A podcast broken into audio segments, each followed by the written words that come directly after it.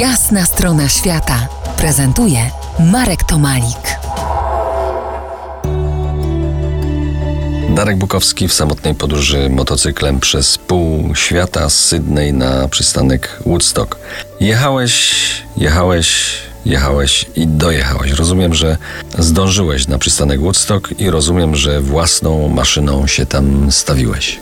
Chociaż to nie było takie proste, jak mówisz teraz. Gdyby mój motocykl działał tak, jak działał w Australii, to nie byłoby problemów. A mój motocykl w Tadżykistanie potrzebował wymiany oleju. Jak każdy potrzebuje trochę jedzenia, trochę umycia, tak więc mój motocykl również potrzebował po prostu zmiany oleju. Mechanik w, w Dushanbe zerwał kwint filtra oleju, którego już się nie dało wkręcić. Później dospawał wszystkie części. Po tysiące kilometrach w Uzbekistanie w hotelu właściciel powiedział cieknie ci znów olej, cieknie ci olej. Ale tych przygód na pewno była cała masa. Powiedz, Tak. co ty czułeś, jak dojechałeś już na przystanek Woodstock? Bo rozumiem, że tam A. dojechałeś yy, motocyklem, tak? Dojechałem motocyklam i co czułem? Czułem bardzo duże zadowolenie, że zrobiłem to, lecz to nie było to, czego potrzebowałem, wyobraź sobie. Bo w tym momencie pomyślałem sobie, że jednak trzeba, e, jednak chcę spotkać rodzinę. I że to nie jest to plan wykonany 100%. Dojechałem na Woodstock, ale dodatkowym planem dla mnie było dojechać do domu i spotkać moją mamę i ją po prostu przytulić. O tym, o tym dopiero się dowiedziałem, dojeżdżając na przystanek Woodstock.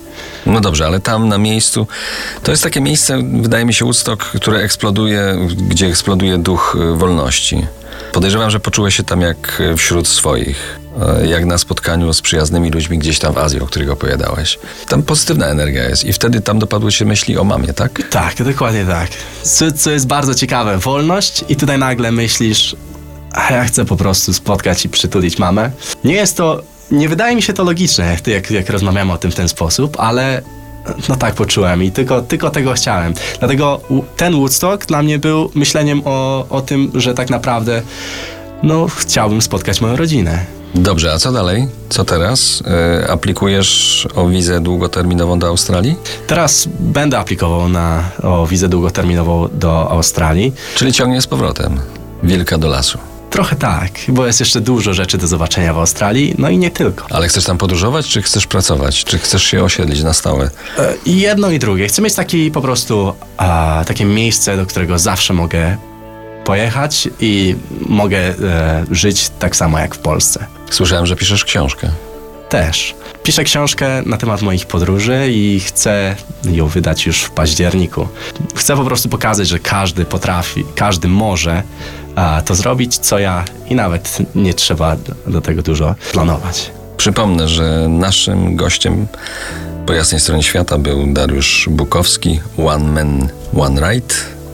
Pod tym adresem znajdziecie opisy i trasę podróży, a my po jasnej stronie świata słyszymy się za niecały tydzień. Pogodnych marzeń i snów.